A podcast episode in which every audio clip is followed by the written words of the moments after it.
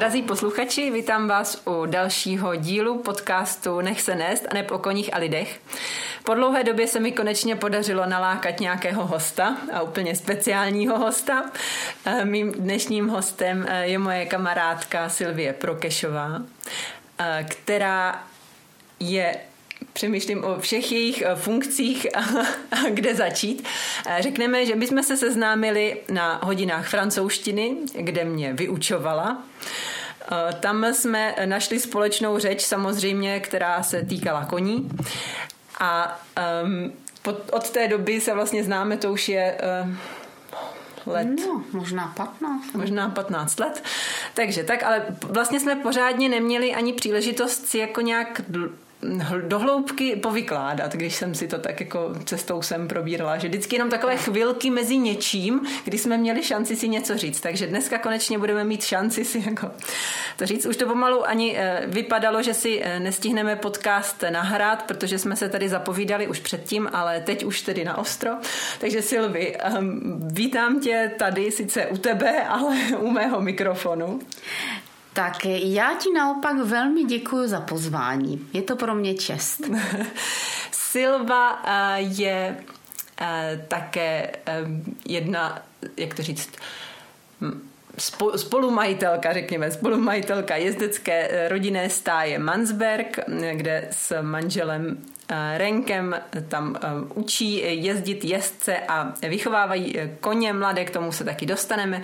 Mimo jiné je také maminka tří nádherných děvčat, přičemž nejmladší z nich, Daniela Prokešová, úspěšně reprezentuje teď už i Českou republiku v drezuře do posud v kategorii dětí, teď už to budou junioři, takže k tomu se taky dostaneme. Takže témat tady máme hodně. A začala bych hned ostra. Jak se dostala ke koním vůbec? Já jsem se dostala ke koním jako děvčátko, eh, když jsem si vymohla, ačkoliv se mohlo začínat ve 12 letech, už v 11 letech chodit ke koním tady v Brně. A Kde se tady chodilo? Eh, chodila jsem, tenkrát jsem říkala Moravan, dneska jo. jo, tady na Veveří. A takže tam jsem ještě chodila jako děvčátko. Moc se, mě to, moc se mě to líbilo, bavilo mi to. Musím říct, že mi to i šlo. Ovšem e, možná až tak moc, že jsem si neuvědomovala, že mám nějaké limity. A úplně jednoduše, než se moje kariéra, nějaká větší, začala rozvíjet na klubových koních, tak e, z vlastní neposlušnosti jsem si přivodila úraz Rozhodně to nebylo vínou koníka, ale vlastní, bych řekla, dětské nerozvážnosti. No a poté mi bylo všechno zakázáno, ježdění na koni. Můj tatínek mě tenkrát, možná i za trest, ale dneska to vidím jako dobrý tak, přehlásil do závodní cyklistiky, dráhové. Takže potom jsem se věnovala dráhové cyklistice a ke koním jsem se dostala zpátky až za svých studií ve Francii, kde nebyli ani rodiče, takže tam, jako už eh, v podstatě studentka vysokoškolská, jsem se dostala znovu k jízdě na koni. A, a vy jste měli ale nějakou historii koňskou v drezuře, ne? Ano, ano, my jsme, měli, my jsme měli historii velice, eh, bych řekla, eh, významnou, protože můj dědeček eh, byl povoláním voják, důstojník a stejně tak jeho o rok starší bratr a oni oba velice rádi jezdili na koni a byli, v podstatě můj dědeček byl v Saumur ve Francii jako důstojník i ve škole a e, byl taky v Saint-Cyr na akademii, studoval tam e, s generálem de Gaulem, no prostě naučili se jezdit velice dobře, jezdili dokonce i Velkou Pardubickou, mm-hmm. no a ve Francii právě jako každý voják nebo důstojník e, přičichli k drezuře, což tenkrát byla pro důstojníky zábava, nebyl to takový sport, jako je to dnes. Mm-hmm. No vidíš, to jsem vůbec nevěděla. No. A mě se říkala, že se dědeček znal s Podhajským. Ano, ano. E, přátelil se velice blízce s rodinou Podhajských a já jako děvčátko si ještě pamatuju, jsem byla opravdu hodně malá, e, jak moje babička e, o té rodině hovořila, jak se navštěvovali a znali se. No. A rodiče nic, ty koně um, rodiče vůbec skočilo nic. generaci. Rodiče vůbec nic. E, I když oba sportovali tak různě, zvláště tatínek, ale ten byl víc na ten motorismus a je to tak celkem známe, že kdo je na motorismus, tak e, zase třeba k těm sportům se zvířaty až tak není. A moje babička, druhá, tak ta byla zase sokolská náčelnice, ta byla velice mm-hmm. sportovně nadaná, ale na koni teda nejezdila taky. Mm-hmm. A jak se dostala do Francie a ve Francii ke koním? To by mě teda zajímalo. Eh, do Francie jsem se dostala velice takovým eh, záhadným způsobem. Přivedlo mě k tomu moje zaměstnání, které dělám doteď, eh, překladatelky a tlumočnice.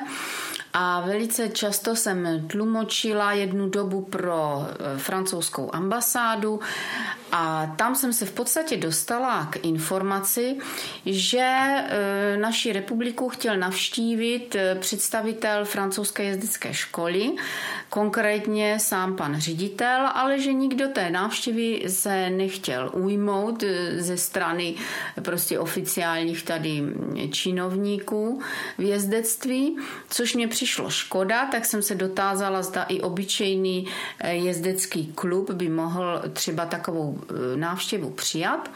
No a mm, bylo vlastně eh, z toho jaksi nejen ta návštěva, vyšlo nám to, ale pohostili jsme teda pana ředitele a ukázali mu tady nějak tak, jak to u nás v jezdectví chodí ale dostali jsme zároveň i pozvání na půlroční stáž, já a můj manžel, do Francie, do jejich školy, kterého jsme teda na pracovní, takovou stáž pracovně vzdělávací, kterou jsme teda využili a jsme za to velice rádi. A tady bychom možná mohli trochu o světu. A jestli bys mohla tedy jezdcům českým přiblížit Kádr eh, Noir? Kádr Noir je jedna z eh, několika evropských eh, jezdeckých škol, klasických, kde řekněme, veškeré jejich učení je postaveno na klasických základech jezdectví, nejen drezury, ale jezdectví obecně. Myslím si, že to bylo, teď nespomenu si, který to byl rok, ale vlastně e, francouzská jezdecká škola nebo jezdecké umění je i nehmotným e, nehmotnou památkou UNESCO stanovenou. No a v podstatě jde o to, že e, veškeré to učení okolo jezdectví od e, nejdávnějších dob je soustředěné eh, možná takhle okolo francouzské jezdecké školy a v jejich knihovně a mediatéce a tak dále. A oni se snaží celou tu dobu, aby vyzařovalo tady to, tady to vědění do celé Evropy a do celého světa. Třeba i do Číny. Mm-hmm. Takže Eh, v podstatě je to centrum velice kvalitního jezdeckého vzdělávání. A to nejenom dnes už toho klasického, ale i eh, co se týče vrcholového sportu, vlastně toho sportovního ježdění. Takže já sleduji jejich školu a spolupracuji pořád dál. Snažím se vzdělávat podle, podle nejnovějších poznatků i této školy. A musím říct, že opravdu, řekněme, i to jejich sportovní ježdění je založeno na těch klasických základech a to se mi na tom líbí. Možná co nejvíc oceňuji na jejich učení je veliká systematičnost. Uh-huh. A když porovnáš třeba tu francouzskou školu s těmi jinými školami, třeba ať už vezmeme opravdu klasickou vídeňskou, anebo třeba uh, takové to, já to úplně nechci jako nazývat školou, ale třeba takové to německé sportovní ano. ježdění. Jak, v čem vidíš třeba hlavní rozdíl, nebo jednak třeba proti tomu sportovnímu ježdění, jakoby mm-hmm. standardnímu, řekněme, a nebo proti tomu i té klasické vídeňské škole? Ano. Tak e, musím říct, že tady tím tématem zrovna jsme se tam v teoretických hodinách zabývali velice dlouho, dá se říct celý semestr a zkrátit to úplně do, do nějaké takové jako mm, nějakého krátkého vyjádření není úplně jednoduché. Uh-huh. Ale řekla bych, jako po čase se mi to dobře vytřídilo, Samozřejmě, že je to jeden pojem, který vládne nad, nad vším, bych tam řekla, a to je pojem ležerty. To znamená lehkost, mnozí jistě znají, ale e, řekla bych, že je potřeba dát veliký pozor, v jakém smyslu se ten pojem používá. Mm-hmm. Lehkost v žádném případě není nedbalost, ledabilost, nedokončenost, nepreciznost. Ale je to veliké jako mm, důraz na tom, jakým způsobem se zachází s koněm, jak on se cítí a jakým způsobem je nastavena souhra koně s jezdcem. V každé z těch škol, kterou si zmínila, eh, má své místo souhra koně s jezdcem. I v té německé škole, i tam. Liší se to způsobem, kterým té lehkosti se dosáhne. Mm-hmm. A e, je pravda, že francouzští ježci, i třeba když je sledujeme na té vrcholné úrovni drezury teď, tak tam ty známky najdeme. Někdy, jako řekl bych to, pojetí tam je a dá se dobře vypozorovat oproti jiným jezdcům. Jde o to, eh, jakým způsobem v dnešní době ta lehkost, do jaké míry se tam projevuje a převládne a jak to dokáží skloubit s tou precizností. Mm-hmm.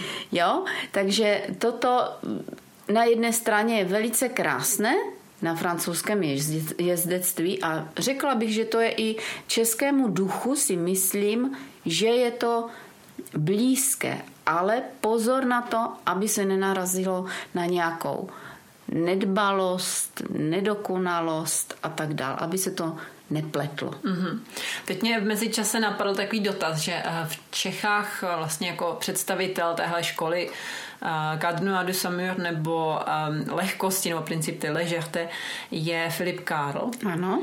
Je ale on myslím, že se pak jako nějak odkloní. Ano, ano, je, ano. Je vlastně ano. teda ještě dá se považovat za uh, jakoby Dá. Já si, myslím, já si myslím, že dá a myslím si, že mm, ten jeho odklon nebyl až tak po nějaké, uh, bych to řekla, mm, odklonu v teoriích nebo v praxi, ale spíš eh, měl eh, ty tendence založit eh, vlastní školu a tak dál, to se nikomu nedá zazlívat. A když se jeho jméno zmíní v Cadre Noir, tak vždy je považován za jejich žáka, jejich pokračovatele a tak dále. Jo? A naopak takovou zásadou, dejme tomu v Cadre Noir, která se mi taky, která mi utkvěla a která mi e, zůstala navždycky, že v každém e, žákovi, jezdci, v každém v každém koníkovi potřeba, ten dobrý trenér, učitel vidí novou inspiraci a nové přístupy. A proto tam žádné eh, trénování, učení neporobíhá podle nějakých striktních šablon, uh-huh. ale velmi individuálně. A proto i to, eh, myslím si, že není spatřováno nijak zle, když se někdo odkloní uh-huh. a hledá zase eh, nějaký mírně třeba odlišný přístup, protože všechno tohle může být zase novou inspirací. Uh-huh. No a když vy jste přišli do Samíru. Ano. byl tam nějaký kulturní šok pro tebe, protože to už taky je nějaký ten pátek zpátky. A když já se třeba ohlížím, jak vypadalo jezdectví tady před 20 lety a teď, tak to bylo ano. opravdu takový jezdecký pravěk tady. A když si vzpomenu, jak ano. já jsem začínala a na jakých koních jsme jezdili, jakým způsobem, tak eh, já tomu říkám jako divoké devadesátky prostě, že tady probíhaly ano. i v tom jezdeckém světě a ty tady vlastně z těch divokých devadesátek jako si v podstatě teda navštívila takovouhle jako tradiční instituci. Tak to... Ano, ano. Um, já bych řekla, že pro mě to nebyl zas takový kulturní šok, protože, eh, jak už jsem říkala ještě dřív, eh, v těch devadesátkách jsem jako studentka měla možnost eh, poznat francouzské jezdectví v normální jezdecké škole a klubu, bylo to v Dijonu a různé přístupy, které mm, v podstatě jsem si zažila a neměla jsem v těch devadesátkách takový přístup ke koním u nás. Takže mě toto trochu minulo a mhm. měla jsem v sobě v podstatě takový základ z rané dospělosti eh, z té Francie. Jste nestihla zkazit mezi Ano, ano, v té době jsem neměla možnost tady, protože tady jsem nemohla, nebo ti zákaz mých rodičů platil navždy. A eh, takže tam jsem k tomu se trochu dostala. A e, spíše velký e, kulturní šok e, zažil můj muž, mm-hmm. který ty devadesátky si tady naplno všechno odžil, v jezdectví pracoval, byl i v Německu a mimochodem je to velice jako šikovný jezdecký, já na to nedám dopustit, jezdecký šikovný člověk, strašně všestranný, mnohostranný, mimochodem je to i jako kaskadér a cvičitel mladých koní a tak dál. Ale tam, co se týče toho pojetí, opravdu ve, v mnohých směrech si musel úplně převrátit něco, musel bodovat něco jiného, na co nebyl zvyklý a co ho velice obohacovalo. V tomto případě mu byla velkou výhodou jeho veliká přizpůsobivost veliká schopnost učit se novým věcem, protože eh, ne úplně všichni v jeho situaci by to takto dobře vstřebali a byli schopni eh, uplatnit v podstatě ze dne na den některé úplně nové přístupy. Uh-huh. A jak tam vypadal třeba váš program nebo ta vaše náplň to pobytu? Náš program vypadal, jak už jsem řekla, bylo to z části pracovní a z části vzdělávací program. A já jsem byla zařazena hodně i do všelijakých administrativních chodů společnosti, taky díky znalosti jazyka společnosti a školy tam ale taky do v podstatě tréninkových. Takže e, úplně zkráceně, my jsme odjížděli e, do školy vždycky na 8 hodinu a od 8 hodin do nějaké jedné hodiny se jezdilo, čili že e, každý e, ten den všední byly 4 až 5 jezdeckých hodin poměrně za sebou naskládaných. Mm-hmm. Také jsme se věnovali mentální přípravě a fyzické přípravě mimo koně, což je velice jako přínosné a užitečné.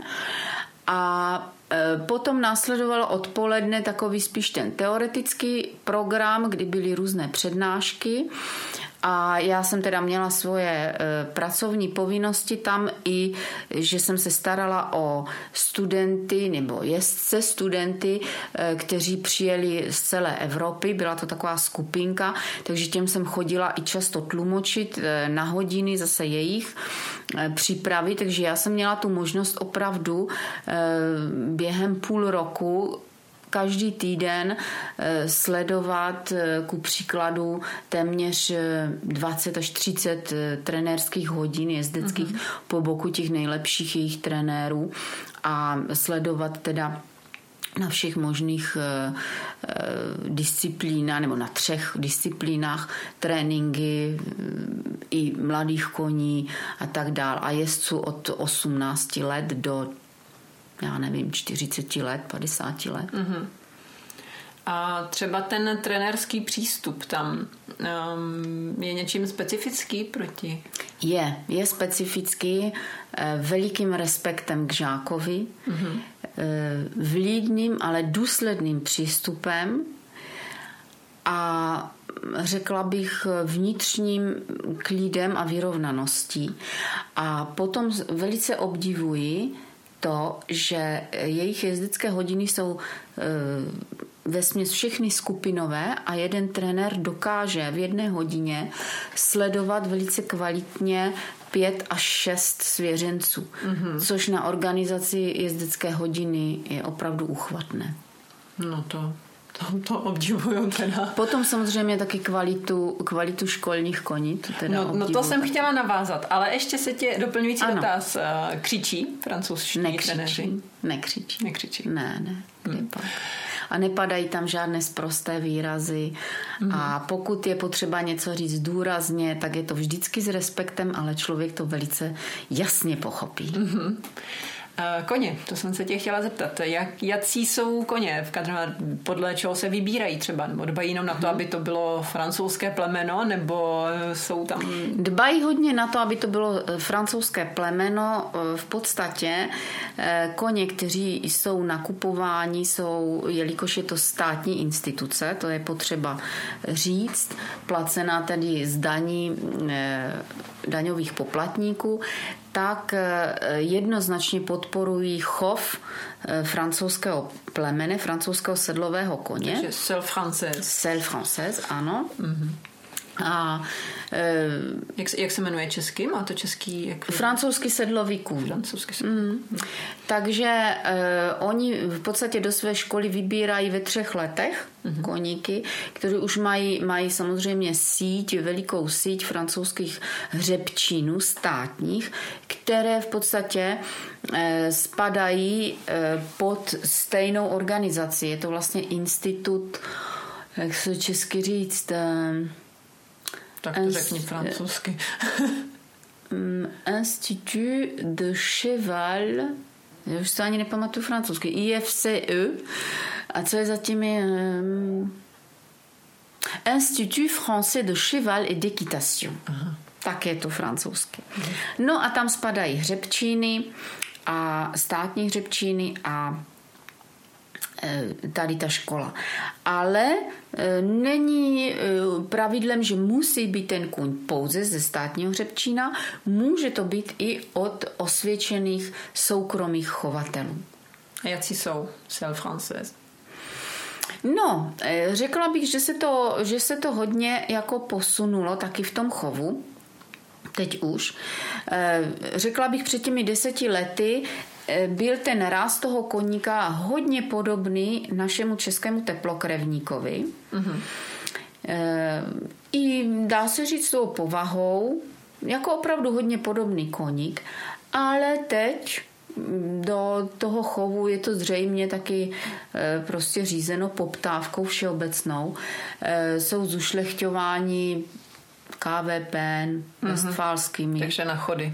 Ano, přesně, na chody a... hanoverskými. Je to pochopitelné, protože určitá konkurenceschopnost je potřeba yes. tam e, prostě zachovávat, takže hodně hmm. si jako všímám tady, tady A dbají toho. i na charakter, nebo se to taky v těch, jako v těch německých a holandských chovech trošku ty charaktery posouvá jako do pozadí? No ne, řekla bych, že dbají. Konkrétně, když se budeme bavit o e, té francouzské škole, tak tam ten charakter má velikánský, e, velikánskou váhu. Mm-hmm.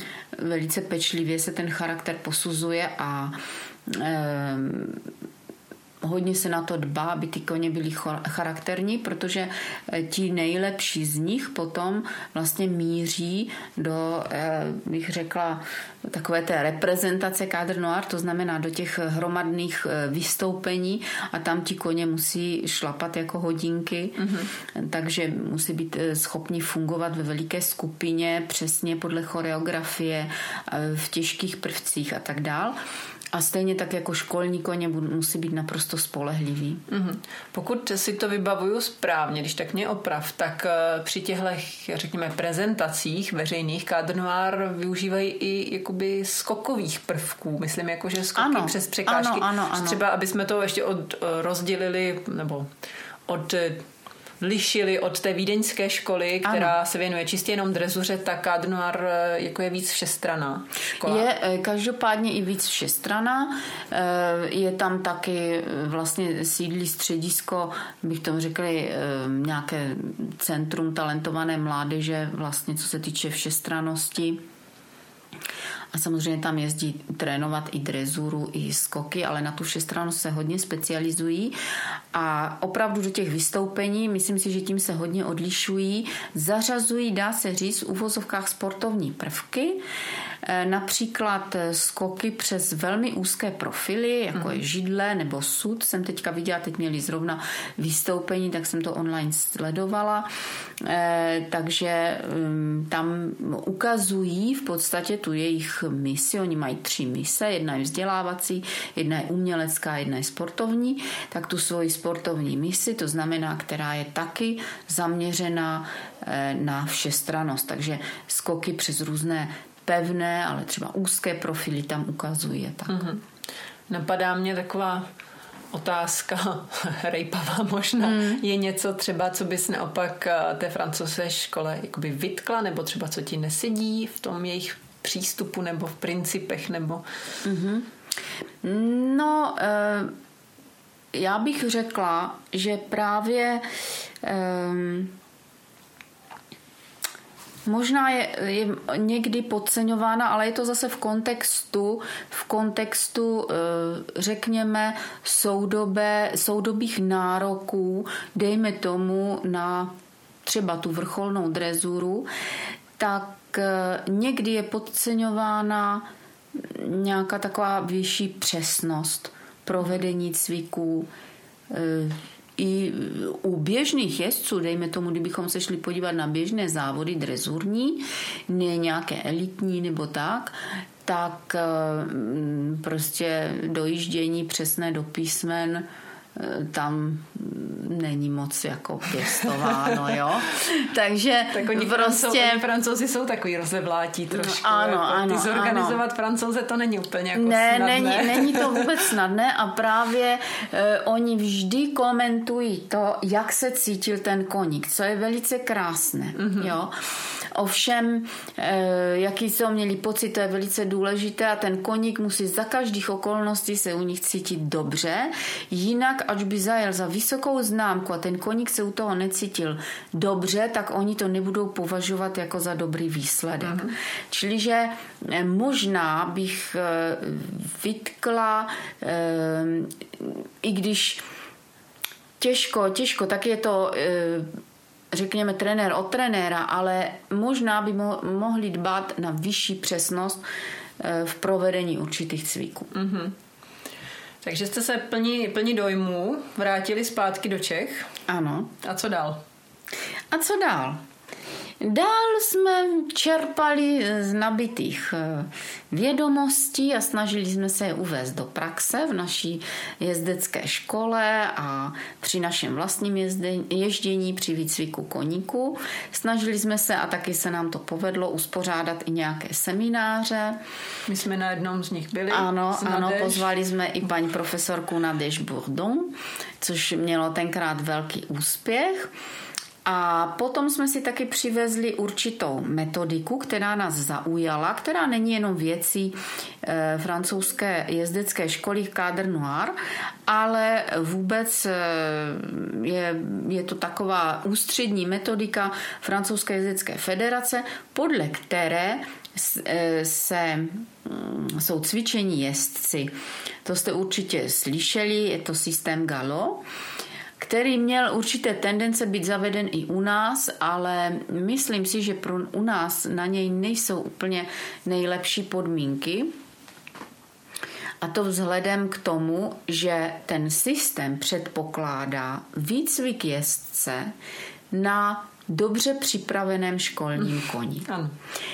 A pokud tady tato podmínka není splněna, tak není u nás mnoho e, trenérů, kteří by si s tím dokázali dobře mm-hmm. poradit. Ale mně osobně e, tady ten systém velice pomohl při výcviku i vlastní dcery, i třeba, já nechci říct v výcviku manžela, ale poradním hlasu mého muže, když je potřeba něco zkontrolovat nebo tak, nebo ve obecně ve výcviku toho jezdce, jeho sedu, jeho pomůcek, jeho mm, reakcí. A dá se tam velice dobře podle tohoto systému poznat, kde je zakopaný pes. Když se člověk nemůže přes určitou etapu překlenout, když dojde do bodu, kdy to nejde takzvaně dál, mm-hmm. kdy je nějaká stagnace, tak velice takovým pro mě, já řeknu jednoduchým, ono to není tak jednoduché, ale jednoduchým způsobem se dá dopátrat, vrátit se někam, někdy to může vězet třeba v určité nedokonalosti v práci na ruce. Mm-hmm. Jo? Prostě úplně banální, která je potřeba, která byla někde zanedbaná a tak dále. Nebo e, v mm, oblasti rovnováhy, jo? Nebo tak. A tam se člověk takzvaně znovu najde, může tam to docvičit, dopracovat a najednou se pohne dál. Mm-hmm. Jo, protože může být takzvaně jako zakuklený, furt zabořený v něčem, teď na tom dělá, furt to usiluje, furt je na to jenom zaměřený a tak a ono se to pořád nehýbe a když se odkloní a je to zakopaný úplně někde jinde, v jiné oblasti, tak se najednou pohne dál. Mm-hmm. A uh, ještě odbočím, nebo respektive mm-hmm. ne moc daleko, ale ty jsi zmínila Mansberg. Ano. A jak eh, vlastně jste se tam dostali, nebo mm, tvůj muž už tam bydlel předtím, než jste se seznámili, nebo až spolu jste se... Eh, no, to, to je takové, my jsme se totiž eh, s mým mužem kdysi znali a seznámili už ve velmi raném věku, ještě před, řekněme, studiemi a tak dále, dá se říct téměř jako v dětském adolescentním věku. Pak jsme se dlouhou dobu neviděli, mezi tím jsme každý měli nějaký svůj život. A až jsme se znovu potkali velkou náhodou, tak e, můj muž už tam žil se svými rodiči a jeho rodiče tady ten statek koupili. Mm-hmm. Někdy na začátku 90. let statek koupili, žili tam, hospodařili a chovali koně. Tam si vlastně Eh, můj muž založil eh, svůj vlastní chov koní a takže já jsem se v podstatě za ním až eh, po narození Daninky a, a po takovém tom odhodlání odejít z města na venkov, tak jsem se za ním přestěhovala. Mm-hmm. A pověs nám něco na Mansbergu. No je tam krásně. No je, to, to můžu potvrdit. Je tam krásně. To už jsme kousek od Bystřice. Ano, ano. Je tam spousta práce. Nicméně je tam, eh, co oceňuji nejvíc, dá se říct takové klidné prostředí, pokud zrovna něco nehrčí, nějaké stroje a tak, na práci e, s koníkama, je tam dostatečný prostor a dá se tam dobře i chodit do terénu, ještě pořád celkem bezpečně, takže se dá práce na jízdárně kombinovat e, s práci v terénu. A Tohle bych tam ocenila asi nejvíc a samozřejmě příroda, potom teda musím říct, že nám roste velice kvalitní seno v biokvalitě, e, takže taky máme hodně odběratel nebo zájemců, to se zásobujeme sami. Takže je tam takové zdravé prostředí i, i pro ty koníky, i pro jezdce. Jinak pro ty, kteří jako mají rádi hodně společnost, tak to úplně není. Je tam jako dost, dost lidů prázdno. A vy máte kolik koní? My máme teď eh, tam celkem 10 koní, z nich dva nejsou naši. Mm-hmm. A počítám teda koně i poníky dohromady. Mm-hmm. A co to je za koně? Co to je za koně? No, jsou to v podstatě, mm, kromě dvou velšských poníků, tak jsou to koníci českých plemen, jednak teda český sportovní pony, český teplokrevník, no v podstatě a dá se říct, že tam máme koníka, teď eh, taková on je taky český teplokrevník, ale míchaného původu eh, s oldenburským tatínkem, takže takový novodobější už český teplokrevník mm-hmm. teď. A jezdíte na všech? Všichni jsou? Ehm, jezdíme, dá se říct, na všech, kromě jednoho mladého poníka, na kterém se nejezdí a tak v podstatě všichni, všichni jsou akční. Uh-huh. A um, teď bych se možná podívala na Danielku. No, co tě zajímá? Zajímá, zajímá mě všechno. Zajímá mě, jak jste třeba eh, začínali, v kolika letech třeba začala jezdit, jak eh, snáší výcvik od rodičů. No, to jsou dobré otázky na místě, no. A, um, no a, a tak. No tak eh, Danielka se zajímala o koníky úplně jako malé miminko, pořád za nima chtěla chodit a tak dál. Takže když bychom měli vzít, když seděla na koni poprvé, tak bychom se posunuli do věku, kdy ještě neuměla chodit. Mm-hmm. Což se samozřejmě nedá počítat za nějaký výcvik, ale řekněme, že eh, od malička si pěstovala vztah ke koníkům. A v podstatě prvně jako na sedle společně s mým mužem se procházela tam e, kolem našeho, tak potom začala jezdit nebo se vozit tak nějak sama kolem čtvrtého roku. A v šesti letech jsme e, koupili prvního poníka, takovou poníčku které, o které jsme věděli, že někde tam kousek nemá využití. Zjistili jsme, že má i pěkný e, celkem původ českého sportovního pony, strakatýho tlustého tenkrát poníčka, indigu, a která se nám velice osvědčila svým charakterem.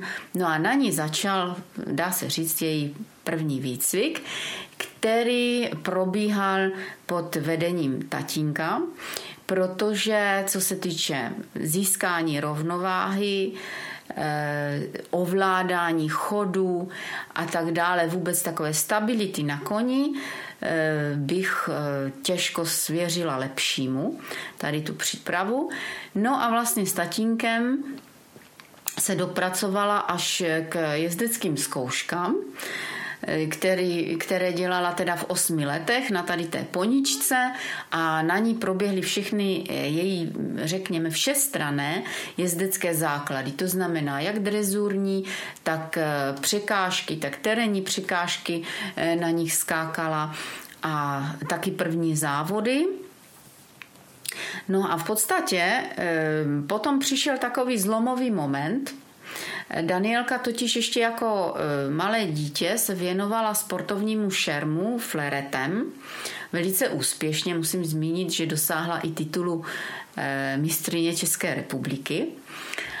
Ale e, při jedních závodech si zranila kotník. No a jelikož jsme léčili kotník, tak přišlo období, kdy ona musela jezdit bez třmenu, mm-hmm. aby si ten kotník šetřila.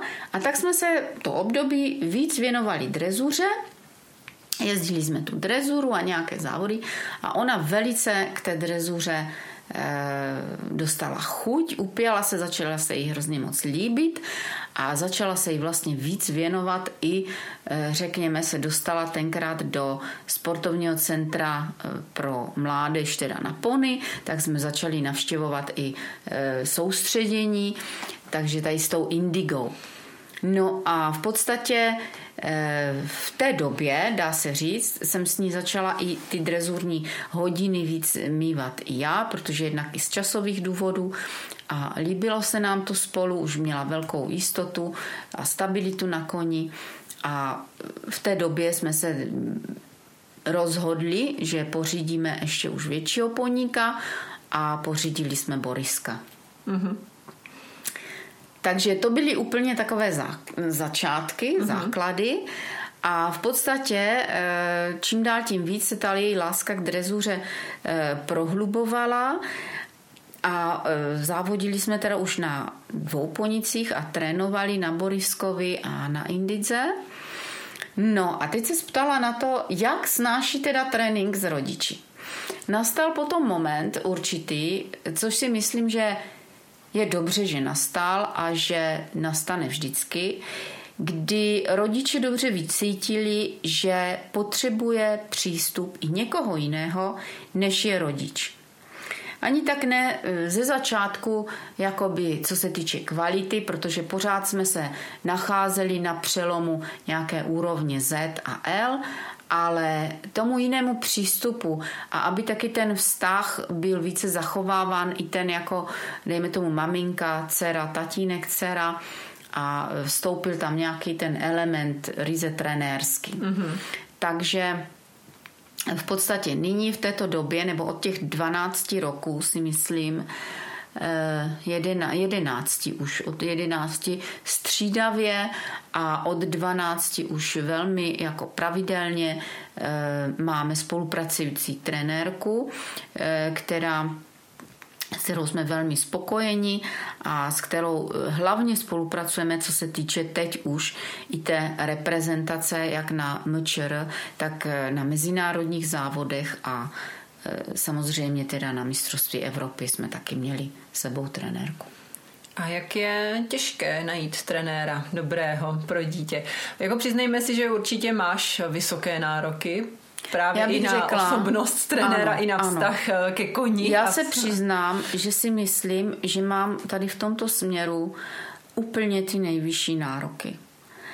A, a to, jak zmiňuješ ty, ty směry, je to velice těžké.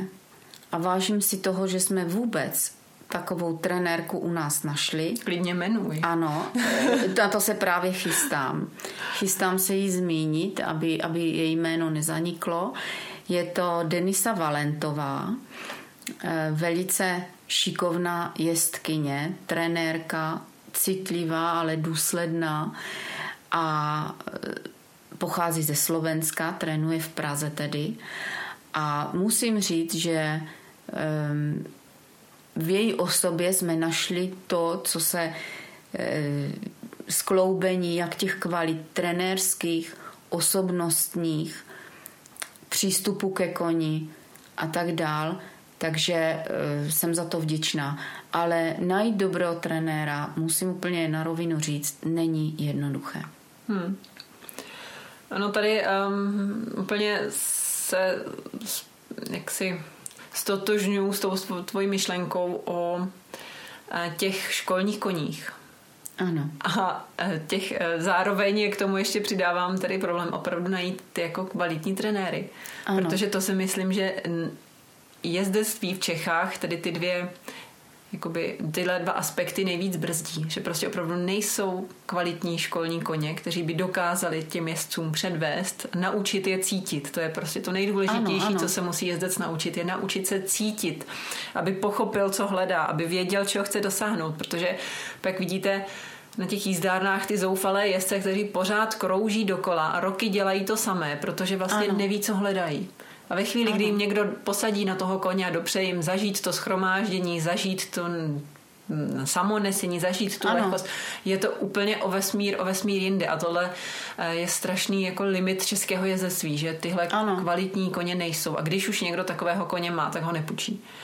Přesně. Což mm. na jednu stranu jako se přiznávám, že je i můj případ. Já jsem tak Jardovi přestala trénovat, i když jako vím, že dokáže prostě uh, dopřát uh, úžasný pocity jezdcům a počuju ho opravdu zcela výjimečně, jenom tak jako k svým kamarádům nebo dlouholetým ano. trénujícím, když jim potřebuju právě třeba vysvětlit, jak vypadá schromáždění. Pocit. Ano. Protože o schromáždění se toho strašně jako napsalo, strašně se o tom mluví. Ano. Všichni ho jako chtějí, ale kdo si to neměl šanci zažít, mm-hmm. jak, to najednou, jak to vypadá, co se stane, tak je to nesmírně těžký pak pro toho jezdce toho dosáhnout ano. a podlehne různým iluzím mm-hmm. prostě a svede se No jako, jako nedostatek školních koní v podstatě dá se říct téměř absence školních koní, pokud eh, si někdo nekoupí takzvaně koně učitele, že jako, jak se tomu tak říká, jako, které musí koupit za veliké peníze a není to jednoduché taky, tak eh, v podstatě ta absence je obrovská, eh,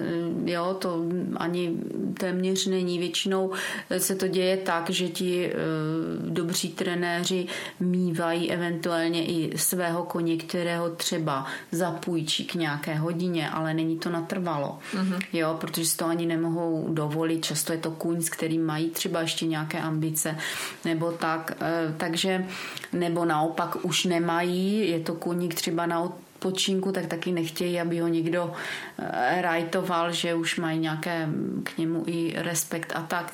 Takže toto bych řekla, že tady je hodně prázdno. Ale eh, co se týče trenérů, možná bych se nad tím ještě pozastavila. Ono totiž, jak ten sport je velice individuální, tak každému taky může sedět trochu jiný přístup. Uh-huh. A já bych řekla, eh, že u nás je teď chci říct, úplně mi naskočilo slovo pár dobrých trenérů, určitě jsou. Je tady eh, několik, nemůžu říct desítky, ale tady několik dobrých trenérů je. Otázka je, že ne úplně každého přístup se dá ohodnotit, že by byl špatný, ale ne každému stejný přístup vyhovuje. Hmm. A to ze všech stran. A když, když se vezme třeba e, trénování dětí, tak je to ještě o jednu dimenzi výš, hmm. že ten trenér e, by měl vyhovovat jak e, dětem, tak rodičům, protože ten rodič se z té interakce nedá vyloučit. Hmm. Někdy se může říct bohužel a já i sebe kriticky uznávám, že někdy je to bohužel, jo, protože žádný rodič pro trenéra není úplně ideálním rodičem, to by akorát musel jako tam vůbec nebýt, nebo ne, neumím si to představit, ale prostě eh, ta spolupráce, trenér, rodič, dítě, tam vždy, a kůň ještě samozřejmě, tam vždycky musí nějakým způsobem fungovat. To znamená, že se, jsou eh, situace, kdy rodičovi by i vyhovoval ten trenér ale zase dítěti třeba ten přístup úplně nesedí. Mm-hmm. A nebo naopak, e, rodič si s trenérem nerozumí, jo, nebo trenér s rodičem, jo, vidí, a to si myslím, že musí být velice často, jo.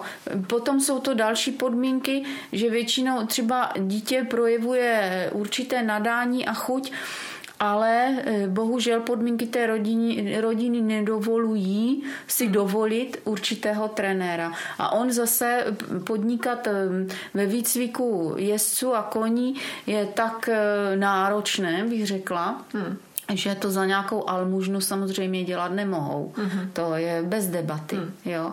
Takže e, jsou to celkem obtížné otázky, ale vždycky, a e, musím tady zmínit ještě jednoho podporovatele, a to je olympijská, e, Česká olympijská nadace, která například nám poskytla e, různé semináře a i možnost konzultovat eh, mentální kouči a tak dál, kde právě zmiňovali tady tu práci eh, trenéru, spolupráci s rodiči a nelze to podceňovat. Mm-hmm. Nelze to podceňovat. Eh, řekla bych, že co se týče dospělých, tam jako ten rodič jde stranou, ale v mnohých případech ten dospělý není osamocený jedinec. Má zase třeba svoji rodinu, která ho nemusí ovlivňovat, ale trenér, který trénuje dospělého, zase mu může v něčem, řekněme, nevyhovovat třeba to rodinné zázemí, rodinné prostředí, eh, že ten dospělý má třeba, nevím, děti a nemůže tak často mm-hmm, a tak, mm-hmm. jo. Prostě jsou to různé okolnosti, které tu spolupráci můžou ovlivnit. Hmm, ano, trénování dětí samo o sobě jako je velká, velká kapitola. Ano. velmi jako zajímavá, citlivá a je to takový podle mě dost tenký let, protože já si přiznám, že s trénováním dětí jako takovým až tak zkušenosti nemám. Mm. Otevřeně se přiznám, že se tomu trošku cíleně vyhýbám, ano. že z, z toho mám jako velký respekt, ne jako, že bych si podceňovala děti, ale spíš ano. jako se na to třeba necítím dostatečně jako fundovaná ale spíš by mě zajímal takový ten, řekněme, lidský aspekt tohohle, mm-hmm. protože um, Viděla jsem třeba v různých stájích um, tréninky dětí. Ano. Viděla jsem i přístup velmi ambiciozních rodičů ano. k ježdění dětí. A viděla jsem i přístup dětí ke koním a přiznám se, že jsem z toho byla hodně šokovaná. Eh, třeba v tom, samozřejmě nemluvím o všech dětech, ale třeba eh, viděla jsem to, že některé ty děti byly to samozřejmě, nebo samozřejmě, taky to tak nechci říct, ale v tomhle případě to byly právě děti těch velmi ambiciozních rodičů často, eh, kteří dostali skvělé koně, skvělé vybavení, skvělé trenéry a k těm koním se chovali opravdu strašně. Byl to opravdu jakoby takový přístup jako k věci, ale úplně hm, jsem jenom nemohla jsem pochopit, jak se třeba v tak malém dítěti bere taková jakoby agrese nebo takový jako ano. nerespekt k tomu zvířeti, Um, jak to třeba vnímáš ty, když se pohybuješ tady v tom prostředí jako intenzivně poměrně Ano, ano, let? To, to je pravda a ty přístupy e, je vidět takové. To musíme si vždycky uvědomit, že ty děti to někde ten přístup vidí. Uh-huh. Mnohdy je to právě v přístupu dospělých k těm koním. Neřeknu zrovna rodičů, mm-hmm. ale přístupu jiných třeba dospělejších větších jezdců ve stáji nebo řekněme e, větších dětí a tam to uvidí ty menší děti a myslím si, že vím přesně o čem mluvíš. Tady ten přístup opravdu je vidět. Nevím, jestli to má souvislost s tím, jak snadno ty děti e, k tomu koni přijdou, zda dostatečně docenují snahu rodičů a to, co do nich rodiče vkládají a tak dál. Oni jsou velice často taky pod tlakem. Mm-hmm ambiciozních rodičů. Ne všechny ambice jsou špatné, ale měly by být vždycky směřovány eh, s vědomím, že eh, je to v souladu s tím, co třeba to dítě chce. A mm, jako ono to souvisí všeobecně s já nevím, jak bych to řekla, se zhoršením výchovného prostředí eh, v dnešní generaci dětí. Jo? Některá ta výchova je až příliš volná a tato výchova eh, třeba není vhodná k tomu, aby se takhle vychovávalo dítě, které by mělo přijít ke koním. Mm-hmm. Jo. Eh, já musím říct z vlastní zkušenosti, a to se nejedná o děti nijak obzvlášť eh, ambiciozních rodičů, ani majitelů koní, ani ničeho, ale přijdou třeba, chtějí jezdit na koni, přijdou k nám, zajímají se na první nějaké hodiny a tak dál ale já musím říct, že nevychovanost dětí nezná dnes mezí. Mm-hmm. A nevšímavost rodičů už vůbec. Jo. Mm. Prostě e, toto mě mrzí. Vím, že je to určitým stylem výchovy. Máme demokracii a každý e, může uplatňovat výchovný přístup, který uzná za vhodný, ale musí si uvědomit, že ne každý, dejme tomu provozovatel jezdecké školy a ne každý majitel koní je ochotný potom nechat tyto děti s těmi koníky zacházet. Mm-hmm. No ale na druhou stranu bych řekla, potkala jsem samozřejmě a potkáváme se eh, v tomto prostředí eh, s dětma a s mladýma lidma, kteří, dejme tomu, mají to štěstí mít možnost zázemí, eh, třeba mít i několik dobrých koní od rodičů že a tak dál. Ne všichni se chovají špatně a ne všichni se chovají. Není to, jako bych řekla, že zákon, že mhm. když tomu přijde v uvozovkách snadno, takže se pak chová špatně. Viděla jsem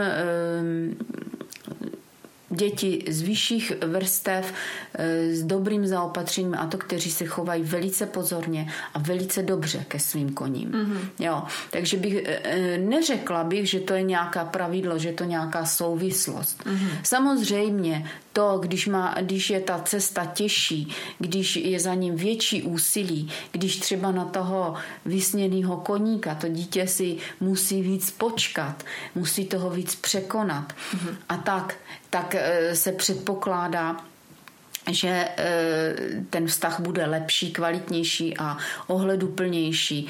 Ale i toto není pravidlo. I mhm. toto, protože někdy přijde do špatného prostředí stáje těch klubů a škol a bohužel si myslím, že za tím špatným chováním ke koním jsou opravdu stojí dospělí, kteří dávají špatný příklad.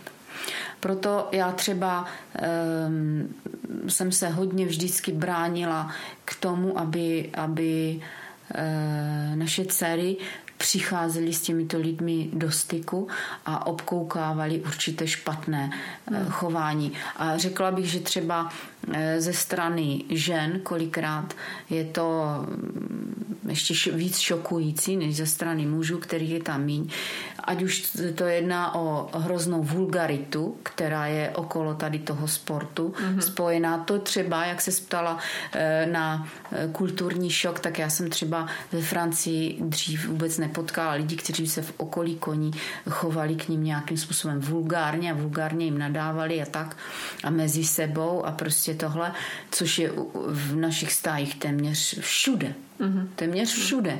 A to může být i jestkyně třeba Grand Prix, jo. A prostě ten slovník a to chování, jo, to, to se nevylučuje, jo, od e, nějaké tam ošetřovatelky, tak toto tam vládne a toto není dobře, to si hmm. myslím. A ono hlavně e, to, o čem mluvíš, to um, je, mně přijde, že tohle je jako nakažlivý. Že ano. Eh, ve chvíli, kdy člověk přijde do nějaké stáje, může mít nějaký ideály, může mít jako něco, uh-huh. ale to prostředí ho strašně ovlivňuje Sama. a jako uh-huh. plíživě.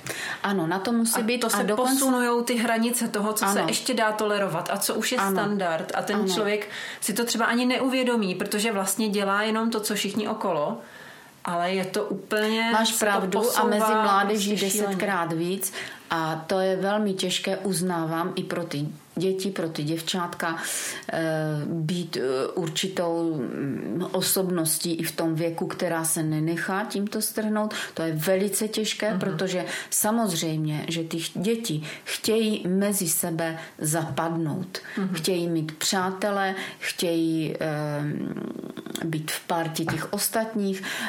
Je tam takové typické, že chtějí mít to, co mají ti ostatní, chtějí uh-huh. to dělat podle těch ostatních. Navíc pokud mají třeba nějaký takový už i ten sportovní vzor, jo, který může být velice kvalitní po, po stránce sportovní, ale e, v tom chování neúplně. Pořád jsou to děti, pořád jsou to mládežníci, ale měli by mít hlavně ty dobré vzory.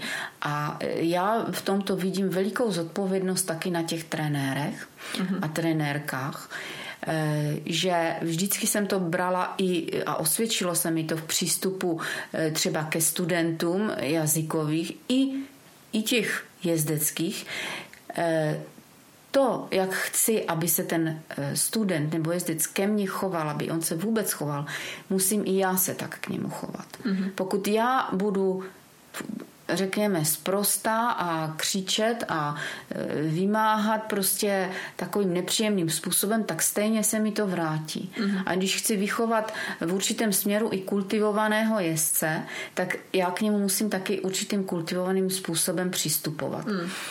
O koni bez řeči. Tam je důležité neplést si důslednost, která vždycky musí být, protože u koně je potřeba eh, dodržovat samozřejmě i zásadu bezpečnosti, hmm.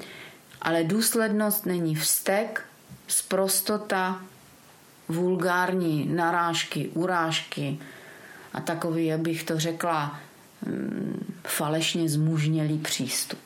Ano, to, ale to, to máš velkou pravdu. Já myslím, že tohle bychom všichni si měli jako sáhnout do svědomí a trošku se snažit to jezdecké prostředí jako české a slovenské, teda na, na Slovensku, Aha. tak skulturnit, protože a začít uh, vždycky člověk musí začít od sebe. Prostě když určitě, chcete měnit určitě, okolí jako ano, ano, jedině ano. sebou, takže a zamyslet se nad tím, jak se vyjadřujeme, jak kolikrát uh, i um, to jakoby vidím na sobě, že někdy prostě využiju nějaký výraz jako na koni úplně jako zbytečně, jenom protože jsem tak byla vždycky zvyklá jako mluvit, jasně, protože tak jasně. jakoby v těch stajích opravdu mluvili všichni a máme ano, to tak ano. zažité, i když to člověk tak jako nemyslí ve své podstatě, ano. tak ten jako zvyk je tak silný, že prostě se uh, k těm zvířatům vyjadřujeme jako neúctivě, buď, byť to tak vůbec jako nemyslíme. Přesně Ale tak. ono jako nomen omen, prostě už, ano. už to jenom, že eh, se tak vyjadřujeme, byť třeba částečně neumyslně, tak už se zase posouváme třeba někam jinam, než bychom měli. Takže tohle bychom měli brát tak jako velký apel na nás všechny, opravdu se jako skul, Já si myslím, že, že by ano, že by se to prostředí stalo uh, daleko i možná příjemnější, těžko říct, zda ten trend se změní, ale není nic jednoduššího, než, jak říkáš, začít u sebe, začít ve své stáji, ve svém klubu a občas eh, třeba i upozornit, stačí někoho velice eh, slušně, že třeba tohle mu není úplně příjemné a tak, ale mm, na druhé straně totiž prostředí kolem koní je velice svázáno s emocemi. Mm-hmm. To je jedna věc. S emocemi, e, také s velkou prací a velkým úsilím. A zmínila bych taky s všudy přítomným určitým strachem, obavami, ne, že by se něco jako mělo člověku stát, ale aby se něco nestalo. Protože e, i koníkovi, když se něco stane, je to velký průšvih většinou vždycky, e, minimálně to stojí peníze. Mm-hmm. A tady v, té, v těch eh, určité nejistotě a obavách, aby ten den, ten měsíc, ten týden, ten rok, všechno probíhalo dobře, jsou další emoce, které jsou uvnitř. Hmm. A tím pádem to prostředí není jednoduché emočně zvládnout. A myslím si, že to e, spousta lidí pohybující se kolem koní vůbec neřeší, hmm. ani to nenapadá řešit, ani si to neuvědomuje. Takže já si myslím, že když člověk najde i e, čas na to hledat v sobě určitou vyrovnanost a pracovat s těmi emocemi, takže mu to může pomoci překonat, protože co je třeba prostý slovo, který vyletí, který řeknu tomu koníkovi, ať eh, to tak nemyslím, nelík jezdci, nelík osobě, která mi ošetřuje koně, prostě, která ho může velice zabolet, zamrzet. Je to prostě jenom uvolnění určité emoce. Mm-hmm. Jo, čiže nechci tím říct, že by jezdci měli chodit boxovat do pytle nebo tak, ale myslím si, že je na místě určitá třeba i meditace, meditace nebo nějaký takový, každý tomu není příznivcem, tak e, jenom vnoření se sám do sebe a určité zmapování svých emocí co mi to způsobuje a tak dál. Já jo, a nadhled. Já teď mám oblíbené mentální cvičení, když mě něco ano. jako rozčílí, ano. tak si vždycky říkám, co to o mě vypovídá, že mě ano. tohle rozčílilo. Jo. Říkám, proč jo. mě jako zro, proč se zrovna tímhle nechám jako rozčílit, to mám zřejmě nevyřešený problém jako s něčím tímto, jako, takže no. vždycky se teď no. snažím no. Jako, takhle přemýšlet. Ale to máš, to máš velkou pravdu. No, jsem se tady tak hluboce zamyslela, jsem zapomněla, na co jsem ano. No, tak já ještě k tomu řeknu takovou e, věc, aby jsme tak nějak jako nezoufali, protože vlastně e, ten e, jezdecký svět je naprosto, nebo koňský přefeminizovaný, je tam spousta žen a žena sama o sobě je sama emoce. Mm-hmm. Že navíc ještě k tomu. A nerada bych byla ani, aby to bylo jinak, protože je to úplně přirozené a ty emoce nemůžeme ze sebe smazat a myslím, myslím, že tím jsou ženy i krásné, že ty emoce umí dát najevo a že v nich žijí a tak ale zacházet s nimi dobře a mhm. řekněme dopřát e, koníkům co nejvíc těch kladných emocí. Hmm. A v případě, kdy je na místě ta důslednost, tak ji provozovat s nějakým takovým vnitřním klidem a ne vsteklostí, hmm. jo, prostě něčím takovým ale jo, vůbec no, neříkám, že to je jednoduché. Tady ten ženský prvek, to jako je hodně mm, jako zajímavé téma už v tom, že opravdu u koní teď skoro výlučně to jsou ženy. To jako ano. je zázrak ano. nějakého může najít.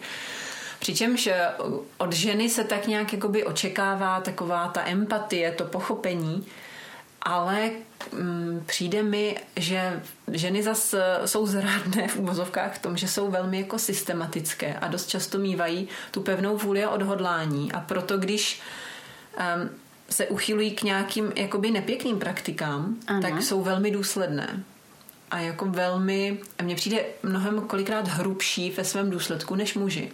No to určitě. A teď jsem jako uvažovala, proč to tak je, že přece nám to jako není vlastní, jako že nám prostě tyhle ty, eh, jakoby, tak říkám, jestli to není třeba i tou společností, která jakoby ty ženy tlačí také do té výkonnosti a do těch ambicí, což je třeba něco, já bych řekla, že tuto vlastnost ženy e, projevovaly vždy a vždy budou projevovat. To znamená, eh, nechci říct, co žena chce provést, tak to vždycky provede lépe než muž. To ne. Já jako muže mám ráda, velmi si jich cením a e, obdivuju spoustu, zvláště jejich fyzickou zdatnost a tak ale ne teda u všech, ale nebo tak, jak by měl muž vypadat, pořád ještě ten klasický standardní muž. No, ale eh, je to v určitém směru, to, jak jsi říkala o té odhodlanosti, když chce ta žena jít i do té, dejme tomu, špatnosti nebo nějakému, nějaké, já bych to řekla, lstí nebo něčeho takového dosáhnout, vždycky to vymyslí líp než muž a bude v tom mhm. důslednější. Mm-hmm. Protože z důvodu toho emočního naladění její motivace je prostě silnější. Mm-hmm. Jo, za vším hledej ženu. Mm-hmm. Ne nadarmo se to říká. Jo, čili že e, naopak mějme tedy kolem sebe ženy s dobrými úmysly, protože ty, ty, ten dobrý úmysl zase, a proč si myslím, se dos, dokázali v tomto světě e, tak prosadit e, okolo koní, je právě ta jejich obrovská vůle mm-hmm. taky, kterou dokáží nahradit i občas jejich fyzickou menší dost dostačil na menší sílu, ne dostačilost, šikovnost, ale sílu fyzickou jako takovou. Ale někdy to jde právě do, do takových, eh, řekněme, extrémů. Zvlášť bych upozornila na to, že tak ženy reagují, kdy už pocitují svůj vnitřní eh, vnitřní pochybnost a třeba obavu, kterou nechtějí dát najevo, ano, že se ano. toho bojí, že tohle, což je přirozené, protože ten e, půd záchov je více vyvinutý a přiznat si, že tady už e, třeba bych to ráda přenechala někomu jinému, jde o to, jestli to lze, tak tam se projevuje ten strach právě tady tou výbušností, vstekem a takovými reakcemi netřeba dobrými pro toho koně. A to je vidět e, i klidně na koni, jako jo, mm-hmm. už tohle. Proto já třeba, já třeba si osobně myslím, že práci s úplně mladými koníky, e, obsedání a tak dále, já si stále myslím, že to je práce mužů. Stále žiju v tom klasickém jako světě, protože je tam vyšší nebezpečí. A může právě žena sklouznout tady k tomuto. Obdivuju ty, který, který dokážou říct, ne, já se opravdu nebojím. Mm-hmm. Obdivuju je, ale myslím si, že jejich úloha by měla e, nastoupit e, ve chvíli, kdy minimálně ten koník ví, e, co má udělat, když se po něm chce klus a cval a dokáže se na něm bezpečně zastavit. Ale to je pouze můj názor. Jako, jo, já mm, takhle nejsem až taková, eh, řekla bych, eh, feministka, ale na druhou stranu eh, mohou být ženy opravdu, které si v tomto z muži nezadají mm-hmm. jo, a vůbec jim to nechci nějak sebrat. Mm. Ale myslím si, že ten, kdo má s emocemi trošku potíž, tak by se nad tím mohl třeba zamyslet. To rozhodně. A teď si pojďme říct, že kdo, jestli je tady někdo, kdo s emocemi nemá potíž, no. tak ať se přihlásí. Ale jako... tak jistě nás neposlouchají jenom ženy, no. Ano, já, jsem, já, jsem, já bych tady měla takový, jako tady to ženské téma, ano. uzavřela takovým ano. závěrečným apelem, jakože abychom my ženy opravdu se snažili být s těmi ženami, abychom se snažili ty svoje ano pozitivní vlastnosti v sobě znova, znovu probudit, pokud je trošku upozadňujeme právě za tou výkonností a za tou eh, cílevědomostí, za tou snahou jako se vyrovnat někomu, ano. tak eh, možná bychom se měli vrátit trošku zase k té empatii a um, k takovým těm intuici a k takovým těm úžasným právě ženským zbraním, které, které máme a využívat je pro dobro věci. A pokud ano. nás poslouchají pánové, což dokonce i vím, že i nějaký pánové poslouchají, mm-hmm, pozor. To je, to je moc, moc dobře. Asi dva mi psali, teda ano, ano. minimálně zdravíme teda ty dva, co mi psali. Třeba jestli je někdo třetí, tak mě napište, prosím vás taky, asi vás poznamenám. Ano. A na pány bych měla zase apel, eh, aby opravdu byli tou mužnou, klidnou sílou, aby eh, Přesně. nám, že nám dodávali tu stabilitu, kterou my někdy potřebujeme jako cítit. Ano. Takže to, to je takový tedy jako závěrečný apel. Ale ještě tu mám jedno téma, které, eh, na které nechci zapomenout. A to eh, je vaše současné závodní působení, ano. Danielky, protože vy závodíte na koníkovi z vlastního chovu. Ano, my závodíme na koníkovi eh, z vlastního chovu. Danielka teda, eh, řekněme, teď eh, uvažujeme o ukončení kariéry, co se týče pony sportu, protože je opravdu veliká, má 173 cm a náš poník Boris, který z našeho chovu není, ale je u nás velice dlouho a vlastně vypracoval se z základní e, úrovně nebo z takového toho přelomu ZL až na úroveň, jak se dneska říká FEJ, tedy e, mezinárodních e, poníkových závodů, které musím říct, že svou obtížností opravdu překonávají třeba úroveň dětí a spíš jsou blízké té juniorské úrovni. Takže pro svou výšku jsme teďka, řekněme, ještě úspěšně absolvovali nějaké mezinárodní závody a taky MČR, kde získali bronzovou medaili. A zřejmě už se budeme soustředit teda eh, na sní, na velké koníky. A ona soutěží velice úspěšně s naším eh, koníkem z, právě z chovu mého muže, který je vlastně po matce Jiskře, která byla jeho první klisnou, a je to hrozně fajn český teplokrevník, eh, který má za sebou takovou všestranou minulost, ale vlastně až s Dančou se začal výhradně věnovat drezuře a eh, ukázal se jako obrovský charakter. A ačkoliv v podstatě bych řekla, že u nás je výjimkou, Eh, mezi eh, soutěžícími dětmi v kategorii dětí, které by neměly koníka úrovně vyšší eh, nežli L. Prostě nejsou to koně, kteří byli naježděni do STS a daleko vyšších závodů. Koně povětšinou německých plemen případně holandských a tak dál. Takže v podstatě v tomto tvoří výjimku a e, jsme velice rádi, že e, se nám práce dařila, jak už jsem zmínila. E, ještě jednou zmíním Denisu Valentovou, která nám moc tady v tom pomohla v jejich společném tréninku a z níž se v podstatě vypracovali až na tu úroveň, kdy mohou, mohli reprezentovat Českou republiku a dokonce letos teda i na mistrovství Evropy jako e, členy e, družstva českého dětí, které vůbec jako poprvé bylo sestaveno mm-hmm. vlastně družstvo. Musím říct, že tam to byla obrovská krásná zkušenost až ve Španělsku v Olivě náročná, náročná po všech stránkách, čili jsme byli rádi, že i náš koník je ve, ve svém věku 18 eh, let dokázal absolvovat tu cestu, podat tam spolehlivý výkon, eh, moc, moc teda v těch horkách to tam bylo těžké. A samozřejmě i to prostředí eh, udrželi, jak si bych řekla, při sobě nějak i, i, i přes určitou nervozitu a tak všechno.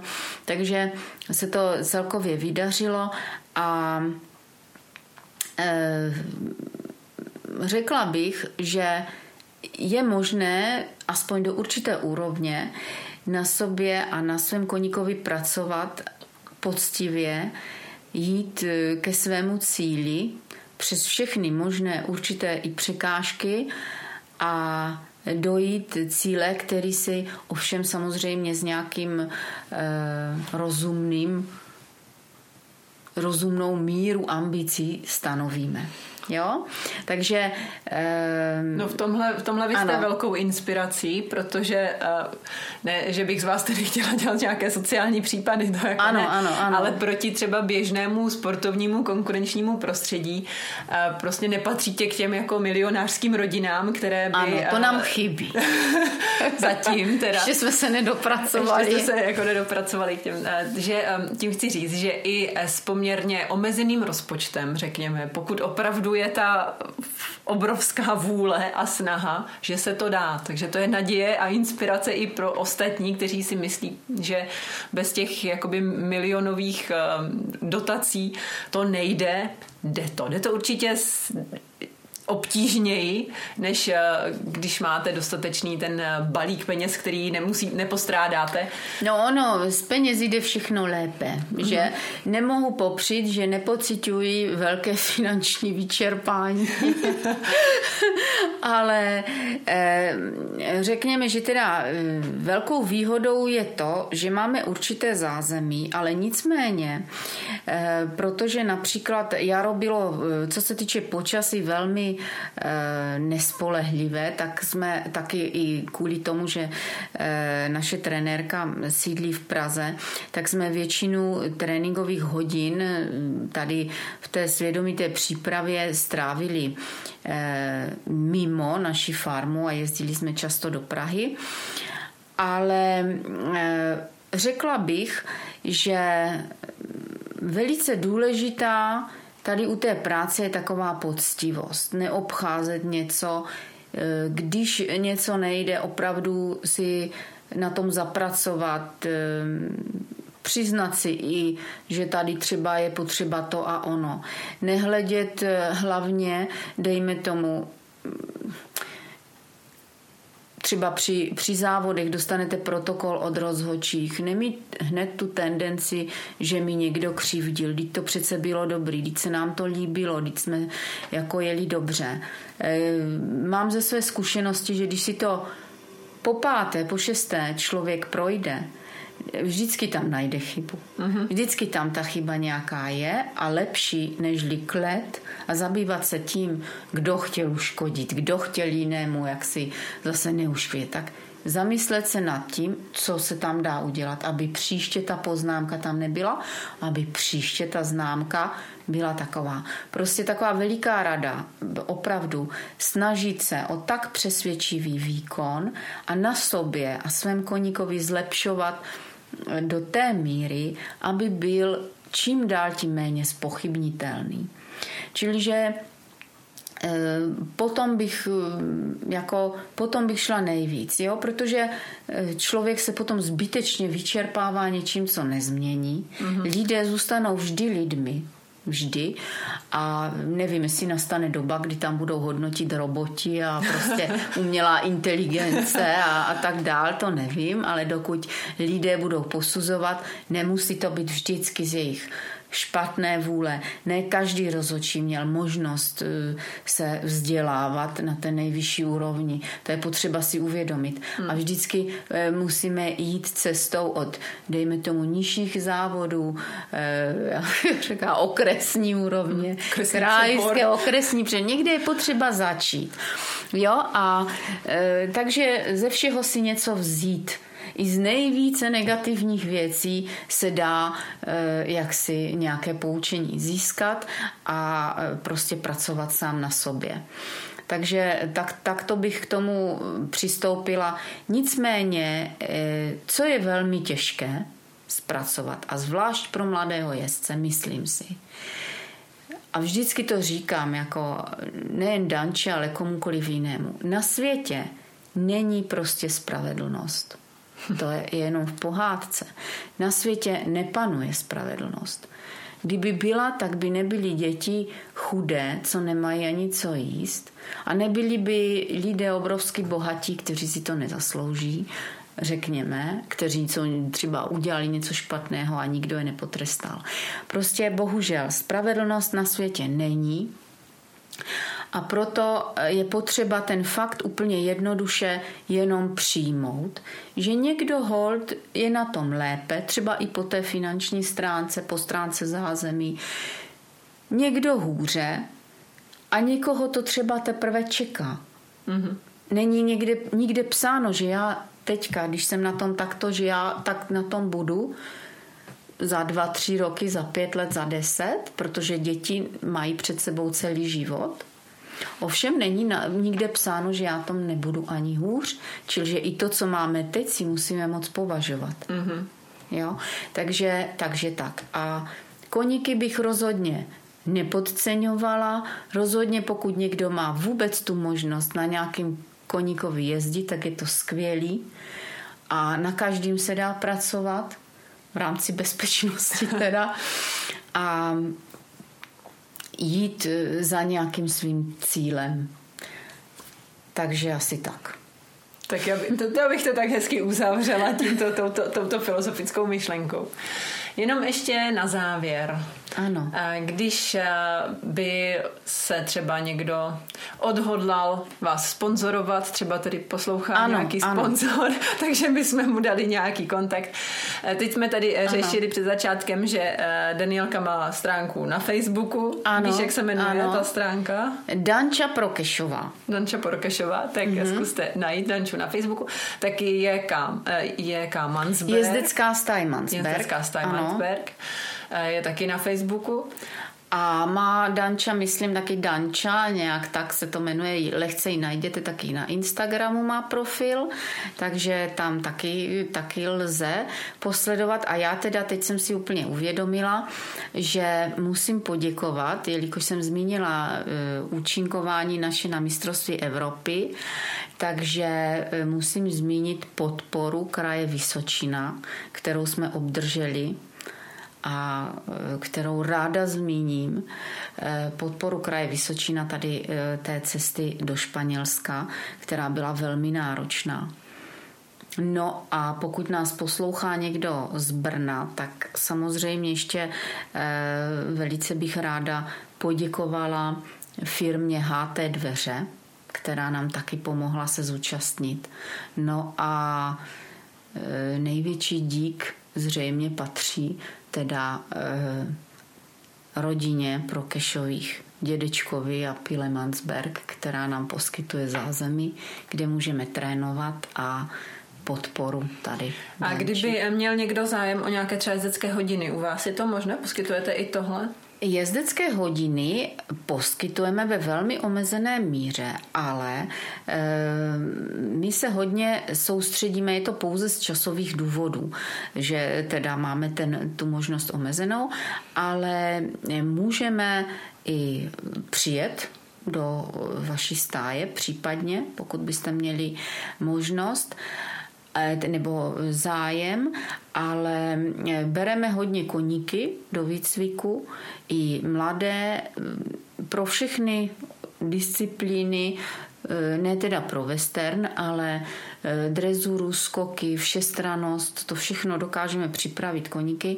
E, ještě jednou zmíním mého muže, který je velmi úspěšný i převychovávatel koní, mm-hmm. jelikož taky provozuje kaskadérskou činnost, takže to tomu není cizí. Dokáže vám koníka navyknout na všelijaké speciální jevy. Mm-hmm takže e, například i cvičil koníky do filmu, jsem ani nezmínila, že účinkovali v řadě filmů naši koníci a tak a různých kulturních představení. No a co se týče těch lekcí, tak e, je vždycky možnost se na nás obrátit. Konkrétně možná zháníme dokonce jedno dítě, které by e, pokračovalo na naší malé poničce v závodní činnosti, tedy ve drezuře, možná i v nějakém skákání. To jako zháníme celkem intenzivně. Mm-hmm. A muselo by teda mít možnost k nám dojíždět. Mm-hmm. A jinak, eh, pokud by vás zajímalo například takové, spíš, já se nenazývám trenér, já sice mám nějaké jako papíry na to, ale já to dělám opravdu jako uh, ze svého zájmu, nepovažuji to za svoje zaměstnání, za svůj koníček. A pokud někdo by chtěl pomoci eh, ve výcviku spíše po té jezdecké stránce, říkám, necvičím mladý koníky, to spíš můj muž a tak dále, ale po té jezdecké skorigovat vám, dejme tomu, vás v sedu nebo tak nějak a nebyl přes půl republiky, tak je možné se taky domluvit. Perfektní. A to tě najdou přes uh, stránky Mansberku? Určitě, přes I stránky. Má, eh, my máme teďka, momentálně jsme v přestavbě stránek webových, ale máme, fungujeme pořád jezdická staj Mansberg, tam poslat zprávu. A nebo mail. Uh, a nebo mail mansberg zavináč gmail.com. Hmm, tak je to m a n s b r k Ano, ano. Mansberg. Mansberg. Tak jo. Asi děkuju, děkuju moc. Není že zač. Byla Zdravím všechny tvé nadšené posluchače a musím říct, že velice obdivuju takovou osvětovou činnost, na kterou bohužel, jak jsme si už řekli před naším rozhovorem, já vůbec nemám kapacitu, strašně to obdivuju, nemám, myslím si, ani na to nadání, ale třeba se v tomhle zlepšíme Třeba ještě taky. spolu něco vymyslíme třeba, na starý určitě. kolena. Jo, jo. Tak jo, děkuji moc, děkuji všem, co neusnuli, tak děkuji, děkuji za pozornost a zase u nějakého dalšího podcastu se těším na slyšenou.